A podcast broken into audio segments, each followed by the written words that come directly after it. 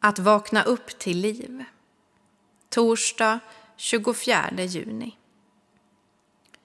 Dagens andakt är skriven av Åsa Molin som är lärare vid Akademi för ledarskap och teologi i Örebro. Rubriken är Den onödiga skönheten. Augustinus skrev för sent kom jag att älska dig, du skönhet så uråldrig och så ung.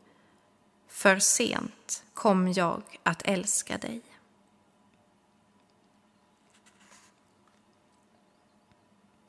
I flera år har vi talat om att hyra husbil och i somras gjorde vi slag i saken. Vi stuvade in badkläder, gulasch på burk, kortspel, en cykel, kanelbullar, 30 Kalle Anka Pocket och en nysträngad gitarr. Så gav vi oss av norrut. Med tiden blev det färre och färre hus, men fler och fler renar. Vi åkte på grusvägar allt längre ut i vildmarken. Rosa mjölkört, också kallad rallarros, stod överallt i givakt längs med vägarna. Blommorna verkade inte bry sig det minsta om att de stod på en plats där chansen att dyka upp i någons Instagramflöde var närmare noll. De bara stod där i överflöd, obevekliga. Pingströrelsens grundare Levi Petrus var en söndagsmorgon uppe i Vilhelmina lappmark och vandrade runt sjön Fettjaur. Mitt i vandringen stannade han plötsligt upp vid några blommor. Det var fjällsippa, fjällbrud, prästkrage och blåklockor som bredde ut sig på fjället. När han stod där slogs han av insikten att all den här skönheten för det mesta var helt osynlig för människor. Blommorna, citat, lever sitt rika liv i stillhet och förgätenhet och vissnar ner utan att någon vet att de existerar. Är inte det en onödig skönhet? Pastor Levi frågade blommorna, för vem blommar ni? För vem doftar ni?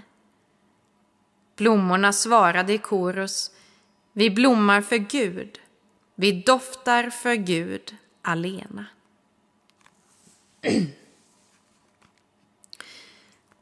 I boken med den fantastiska titeln Hur kan man veta att Gud är vacker?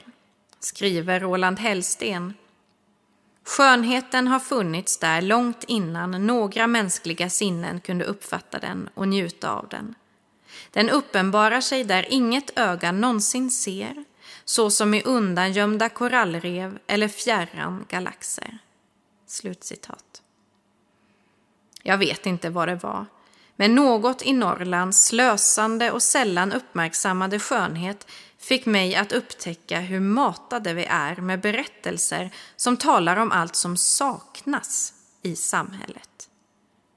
Ja, det är sant att mycket, mycket fattas, men sanningen är också att det finns en generositet i själva livet och skapelsens DNA.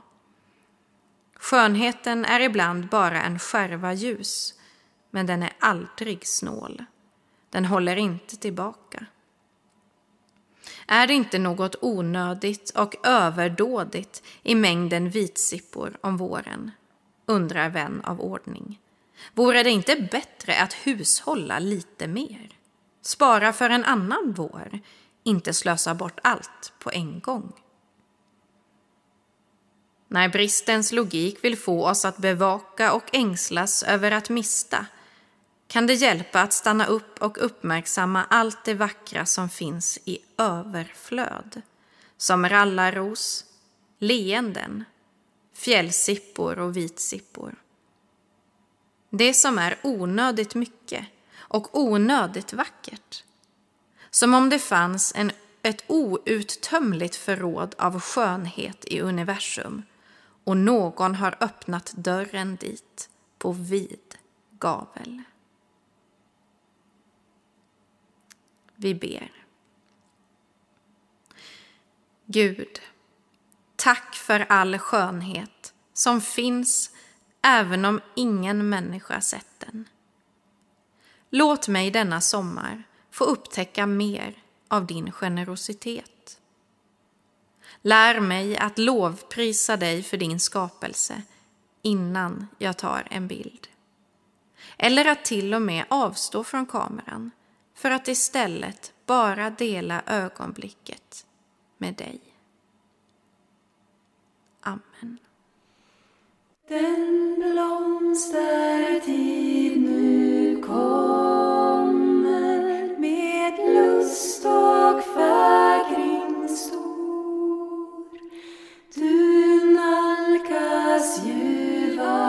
soul.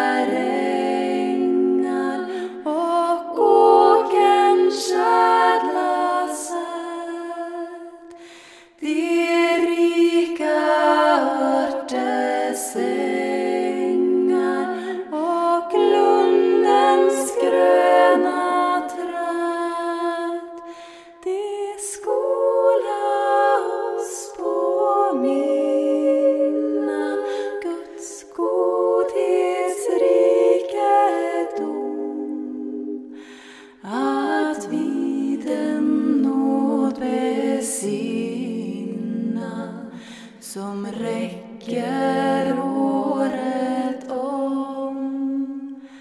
Man hörer fåglar sjunga med många handa ljud. Skall icke då vår tunga lov säga